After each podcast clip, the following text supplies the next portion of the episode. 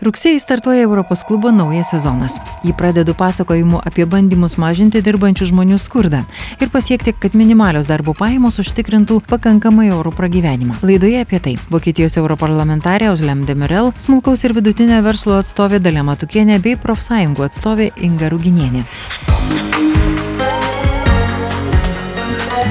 Europos klubas. Sveiki, prie mikrofono Vilija Kvedaraitė. Europos klubas pradeda naują sezoną. Kviečiu prenumeruoti podcastą, sekti playlistą FM99 YouTube kanale bei Europos klubo socialinius tinklus Facebook'e, Twitter'e ir Instagram'e, kur greitesnė informacija ir įvairios naujienos, tuo tarpu naujos radio laidos ir podcastai ir toliau pasirodys du kartus per savaitę - trečiadieniais ir penktadieniais. Šiandien Europos klube apie dirbančių žmonių gyvenimo sąlygas ir jų skurdo mažinimą. Lietuvoje diskutuojant apie minimalaus darbo užmokesčio didinimą, Analogiškos diskusijos jau senokai vyksta ir ES bei Europos parlamente. Eurostato duomenimis šių metų sausį mažiausią minimalę mėnesinę algą gavo Bulgarijos gyventojai - 332 eurus, didžiausia Luksemburgo, kur minimali alga siekia 2200 eurų. Lietuva yra 12 vietoje su 642, tačiau ne visur vienoda informacija pateikiama, todėl imant išmokėtą atlyginimą atrodytume kukliau. Europos parlamentas siekia užtikrinti, kad minimalus darbo užmokestis suteiktų galimybę gyventi tinkamomis sąlygomis ES.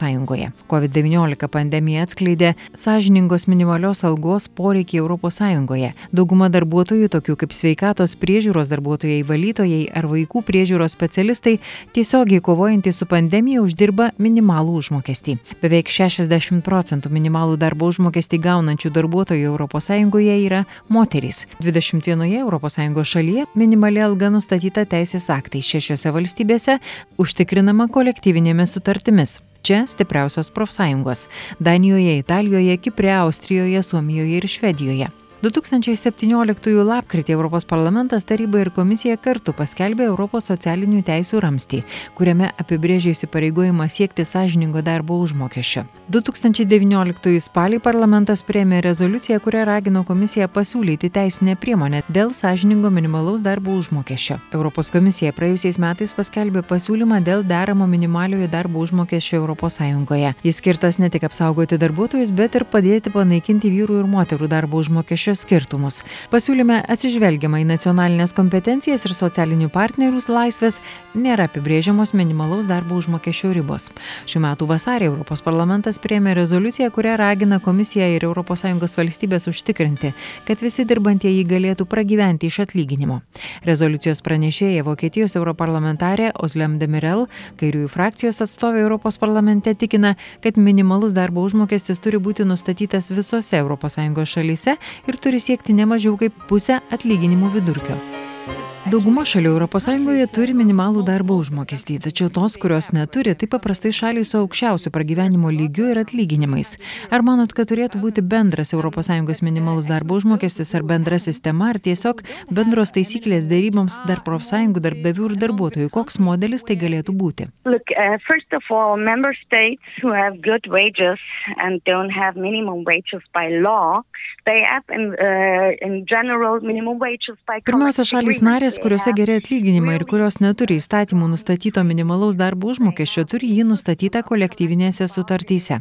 Jos turi stiprias profsąjungas, stiprias dėrybų ir kolektyvinių sutarčių sudarimo tradicijas, kurios dirba darbuotojams. Kai kalbam apie kitas šalis, kad juose turi būti nustatytas minimalus darbo užmokestis, tai čia gerokai silpnesnės ir dėrybinės ir kolektyvinių sutarčių sudarimo tradicijos ir galimybės.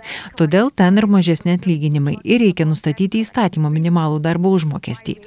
Kalbam ir apie Vokietiją. Jau keletą metų Vokietijoje turime įvestą minimalų darbo užmokestį, nes prastai apmokami sektoriai vis augo ir turėjo mažai kolektyvinių sutarčių.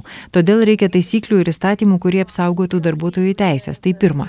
Šalys, kurios dabar neturi minimalaus darbo užmokesčio nustatyto įstatymų, neprivalo nusistatyti jo. To nėra direktyvoje ir mes to nereikalaujame. Bet šiuose šalyse, kur minimalus darbo užmokestis yra, jis yra per mažas. Yra daug šalių narių, kurios turi problemų darybinėse situacijose dėl sutarčių ir tai turi keistis. Būtų klaida apibriežti minimalų atlyginimą konkrečiu skaičiumi kaip 300 eurų visoje ES. Tai būtų klaidinga, nes mes turime skirtingas ekonominės ir socialinės situacijas, bet akivaizdu, kad minimalus atlyginimas turi viršyti skurdo ribą ir užtikrinti, kad žmonės, gaunantys minimalų atlyginimą, galėtų gyventi padoriai. Būtent to aš reikalauju ir tai reikia apibriežti. Uh, people who are working with minimum wages have to have a decent life. This is what I demand for, and I want it clear, binding, and defined what adequate minimum wages are. Minimalus nebūtinai pakankamas, koks jis turėtų būti. Tai turi būti 60 procentų medianos ir 50 procentų vidutinio atlyginimo. To reikalauja ES profesinės sąjungos ir aš tai palaikau. Iš ties profsąjungos ne visur stiprios, kai kur žmonės mažai dalyvauja jų veikloje. Ar įmanoma jas paskatinti veikti efektyviai ir kaip tai pakeisti?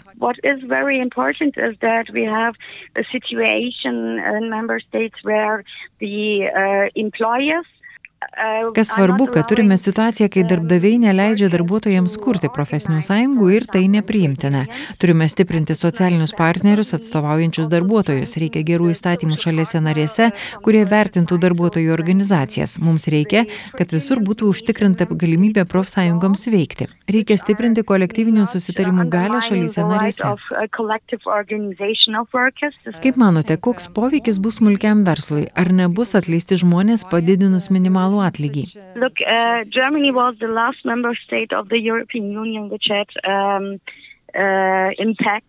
The um, uh, the uh, minimum wage by law. Mhm. And before we get this, it was said, oh, Vokietija yra paskutinė ES įsivedusi minimalų atlyginimą. Ir iki tol buvo sakoma, kad tai visiškai sunaikins rinką, kad darbuotojai turės daug problemų mažose įmonėse ir nieko tokio nenutiko, kaip tik atvirkščiai. Kai tu esi, pavyzdžiui, kirpėjas ir turi smulkų šeimos verslą ar dirbi savo restorane, tau reikia, kad žmonės turėtų galimybę ateiti vartoti, eiti į restoraną valgyti. Tad smulkiam ir vidutiniam verslui, ypač tokiems kaip restoranai, kirpyklos ir panašiai, geriau, kad būtų daugiau žmonių, kurie gali įpirkti paslaugas, o to jie negali sauliaisti, kai gyvena skurdžiai. Tad tai mes matome ir Vokietijoje. Scenarius, apie kurį kalbėjo verslas, neišsipildė. Jokio blogo poveikio nebuvo, tik geras tiems, kas dirba už mažus atlyginimus, bet ne net dabar minimalus darbo užmokestis Vokietijoje yra žemiau skurdo ribos. Tad net ir dabar turime jį didinti. Turime pasiekti 60 procentų medianos. Dėl to dabar irgi vyksta kova Vokietijoje.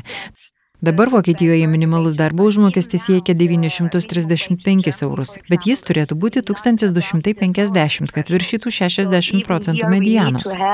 Um, higher minimum wages, we, we have to reach the 60% of uh, median uh, wages. So this is also a hard fight we have in Germany. Uh, 935 and it should be more than 1250 to be above uh, the 60% of median. Dar viena problema yra dirbančių moterų skurdas. Ar minimalus darbo užmokestis padėtų spręsti šią problemą? Yes, uh, Tai pagalba visiems darbuotojams dirbantiems prastomis sąlygomis, prastai apmokamuose darbuose. Jei mes patvirtinsime direktyvoje nuostatą dėl aukštesnės nei skurdo ribos, kitaip direktyva bus tik simbolinė. Tad mano pozicija apibriežti, ką reiškia sąžiningas ir ką reiškia padorus atlyginimas. Tai pirma, tai turėtų įtaką 20 milijonų darbuotojų, kurie dirba pilną darbo dieną, bet neturi pakankamai pajamų, kad jų šeimos išliptų iš skurdo. Įskaitant moteris, migrantus ir visus, kurie gyvena šiomis prastomis sąlygomis. Kai kalbam apie moteris, tai taip pat kalbam ir apie nepilną darbo dieną ne savo norų. Daug moterų dirba trumpesnį laiką, nes turi pasirūpinti vaikais, namais, tad jos dirba šeimai ir panašiai. Todėl jos neturi gerų darbo sąlygų ir tai mes taip pat turime pakeisti. Taip pat turėti prieinamas ugdymo sąlygas vaikams.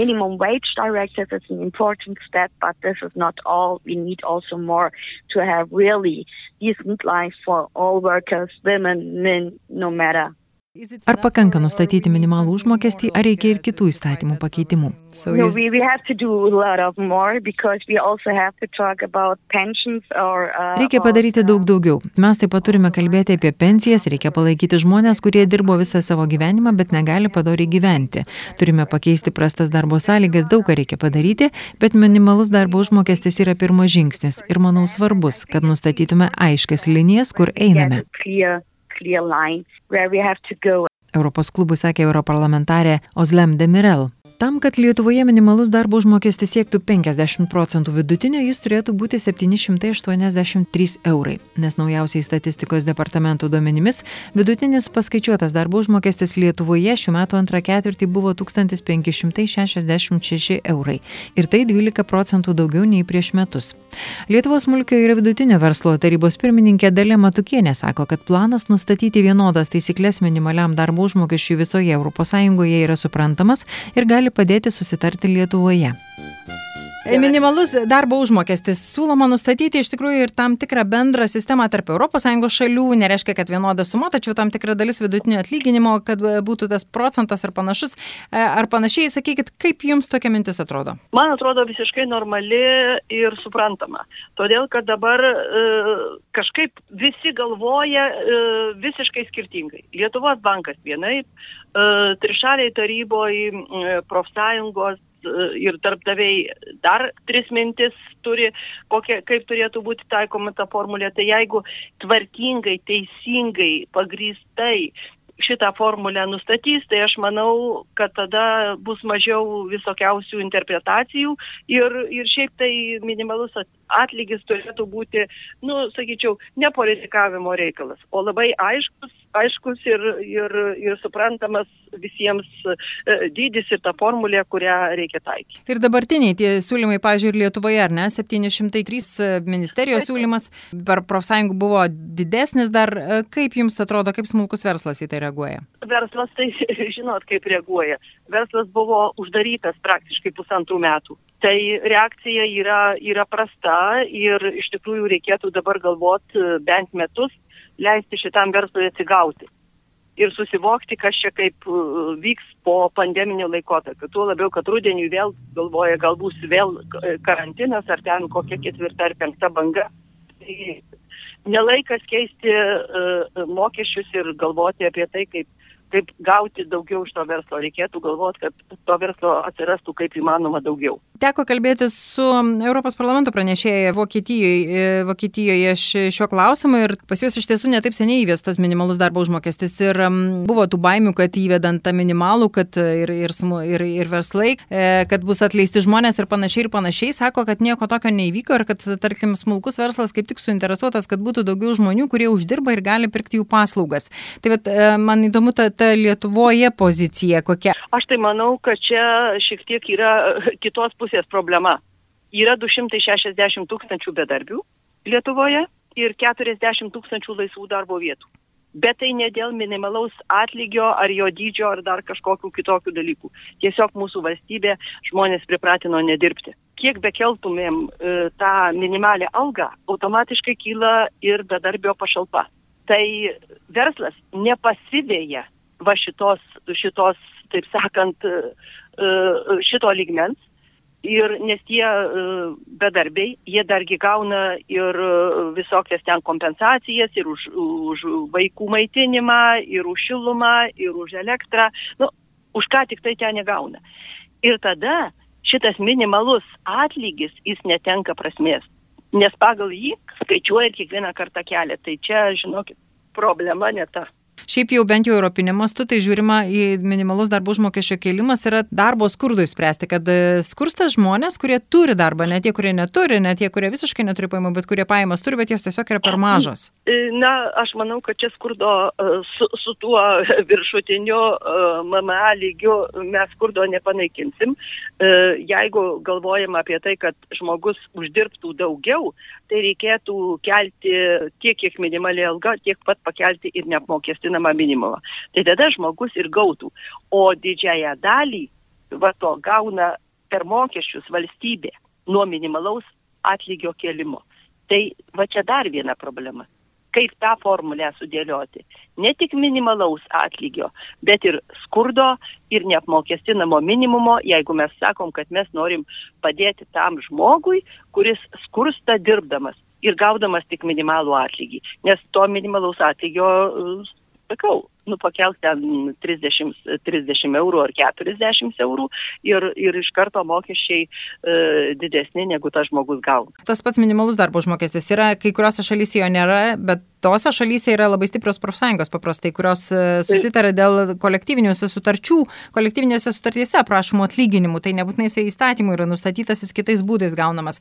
Kaip Lietuvoje sekasi vat, profsąjungom dėrėtis dėl darbo užmokesčio, kokia situacija su kolektyvinėm sutartim? Nu, aš žinot, pirmutinė problema, kurią e, aš akcentuočiau, tai būtų tai, kad mūsų Lietuvoje yra visai kitokia verslo struktūra negu kitose šalyse, kur yra e, ir daugiau žmonių, ir jų tankis kitoks, ir vartotojai kitokie. E, pas mus yra apie 70 tūkstančių įmonių, įmonių, kurios įdarbina nuo vieno iki keturių darbuotojų.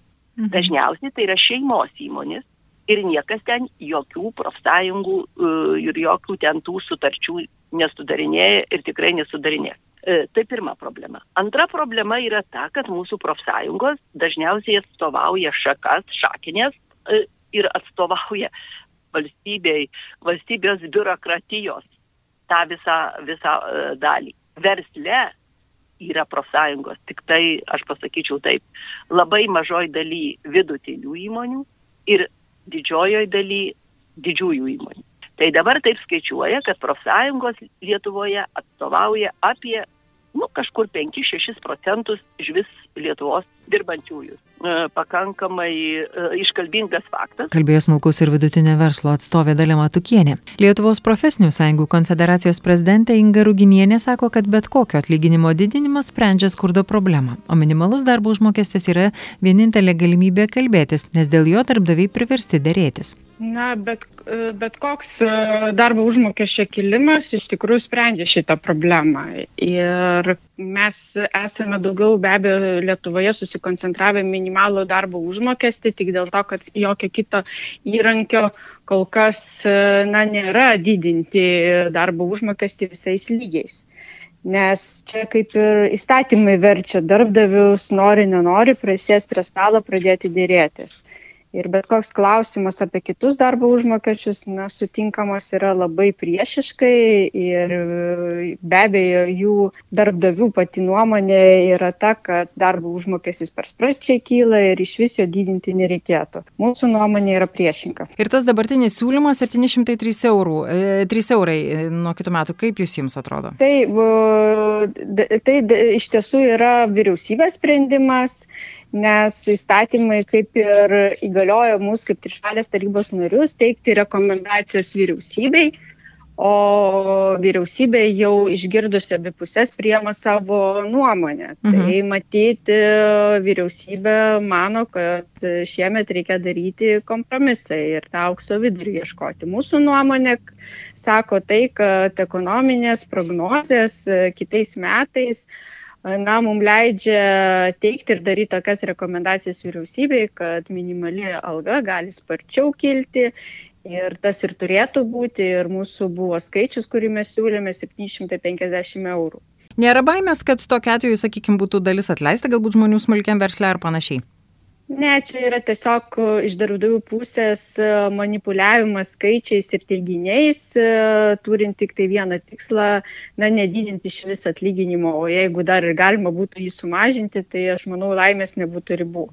Bet iš tiesų reikia pripažinti, kad šiemet infliacija, infliacija matyt šoks į ne, tokias netikėtas aukštumas, jeigu praeitais metais mes džiaugiamės 0,9 procentų infliaciją infliacija, kad lik ir stabili, stabili mūsų ekonominė padėtis, tai šiemet jau turim ganėtinai niures prognozes ir įvairūs, ekonomistai teigia, kad gali net iki 2,6 procentų šokti infliacija rūdienį, kai kas teigia net ir kalba apie 5 procentus.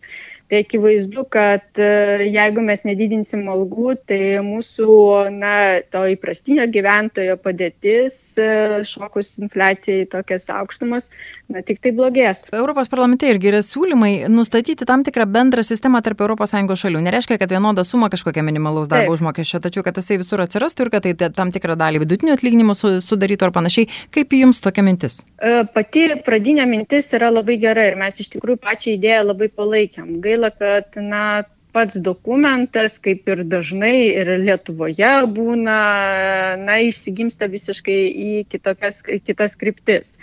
Tai Šitas dokumentas iš dalies dubliuoja ir mūsų jau esamą tvarką, kuomet trišalė taryba yra sutarus dėl formulės ir atrodo, kas čia yra, įdedi dėmenys į formulę ir gauni rezultatą ir ginčių neturėtų būti.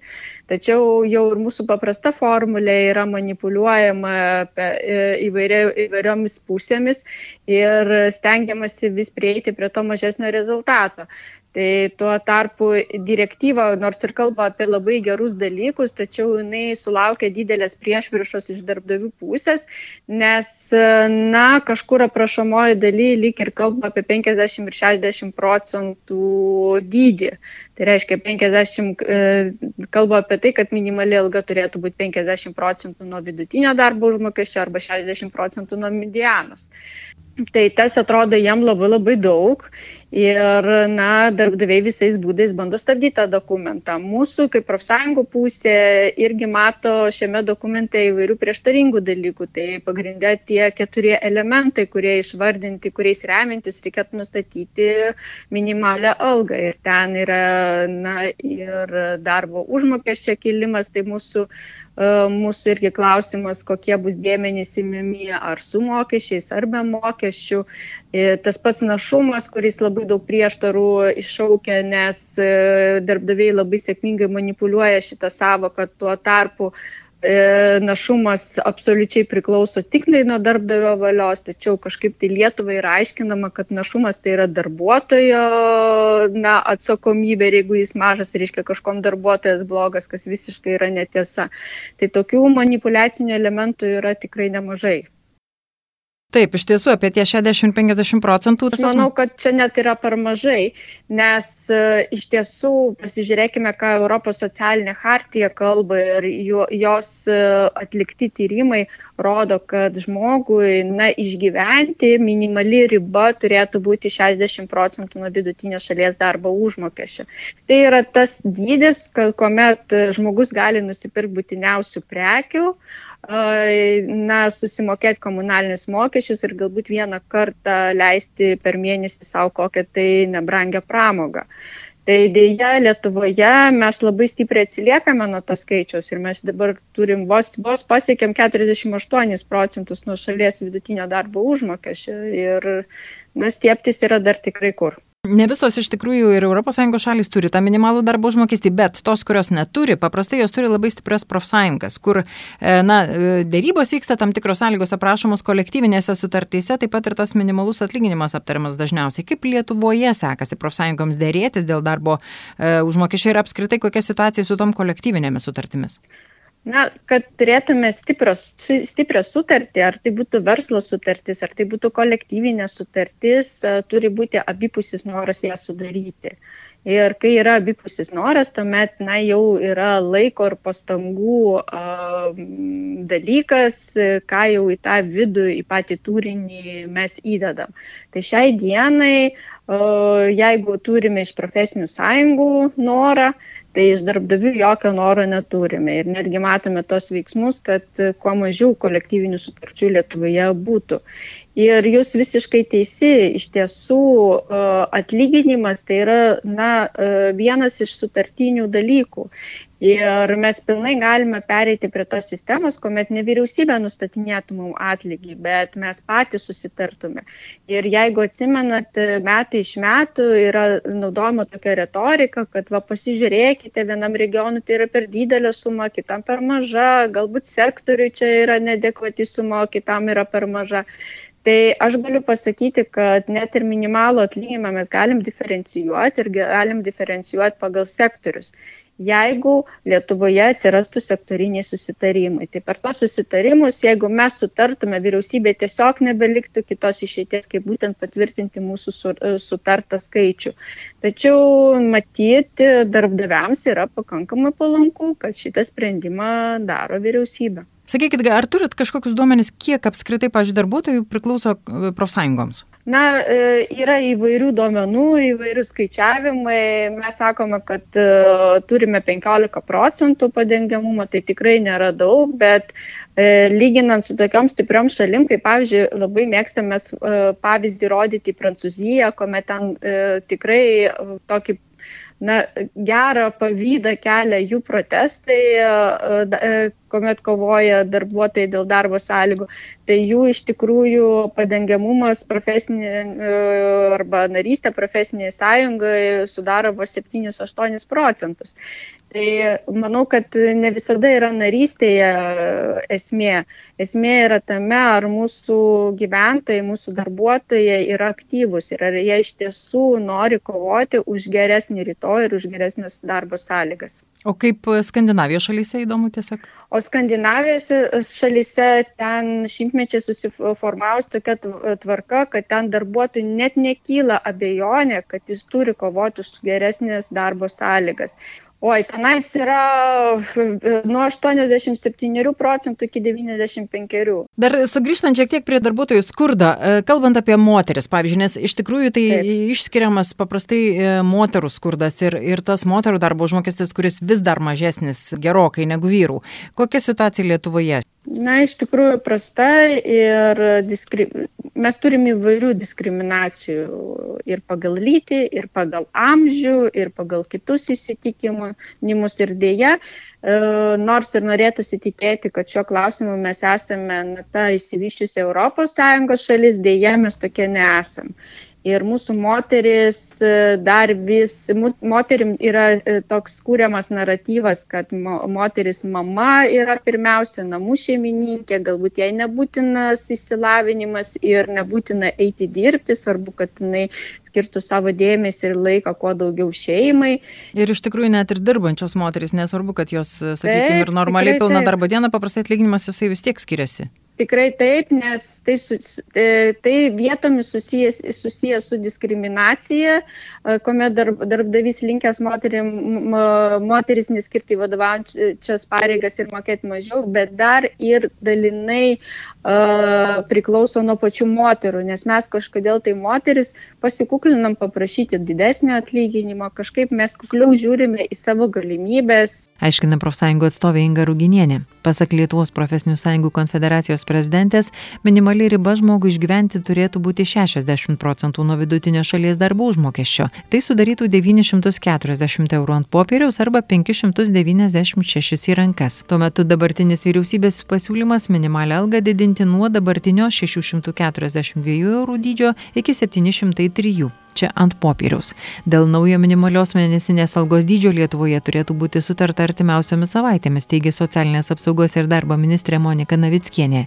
Ji netmeta, kad šiuo metu svarstomas dydis gali keistis. Anot jos tai priklausys nuo ekonomikos raidos scenarijų, kurių laukiama rugsėjo 10-ąją. Dar viena bėda Lietuvoje - moterų vidutinis darbo užmokestis toliau gerokai atsilieka nuo vyrų algų tiksliau 171 eurų. Moterų darbo užmokestis antrą ketvirtį sudarė apie 90 procentų vyrų algos ir buvo į rankas 945 eurai moteriams, kai tuo tarpu vyrai už tą patį darbą gavo 1042 eurus. Diskusijos Lietuvoje tęsis artimiausių metų. Tuo metu Europos komisijos pateiktos direktyvos dėl minimalaus darbo užmokesčio pasiūlymą turi patvirtinti Europos parlamentas ir ES taryba. Europos parlamento užimtumo komitetas dėl šio pasiūlymo turėtų balsuoti jau visai netrukus, rugsėjo viduryje. Koks bus sprendimas papasakosiu kitose laidose. Šiandien Europos klube tiek. Su jumis buvo Vilija Kvedaraitė. Kita Europos klubo laida jau penktadienį. Jeigu jums įdomu tai, ką girdite, nepamirškite prenumeruoti Europos klubo podcast'o. Taip galėsite klausyti jums patogiu metu. Iki. Prie projekto finansavimo prisideda ir Europos parlamentas. Europos klubas.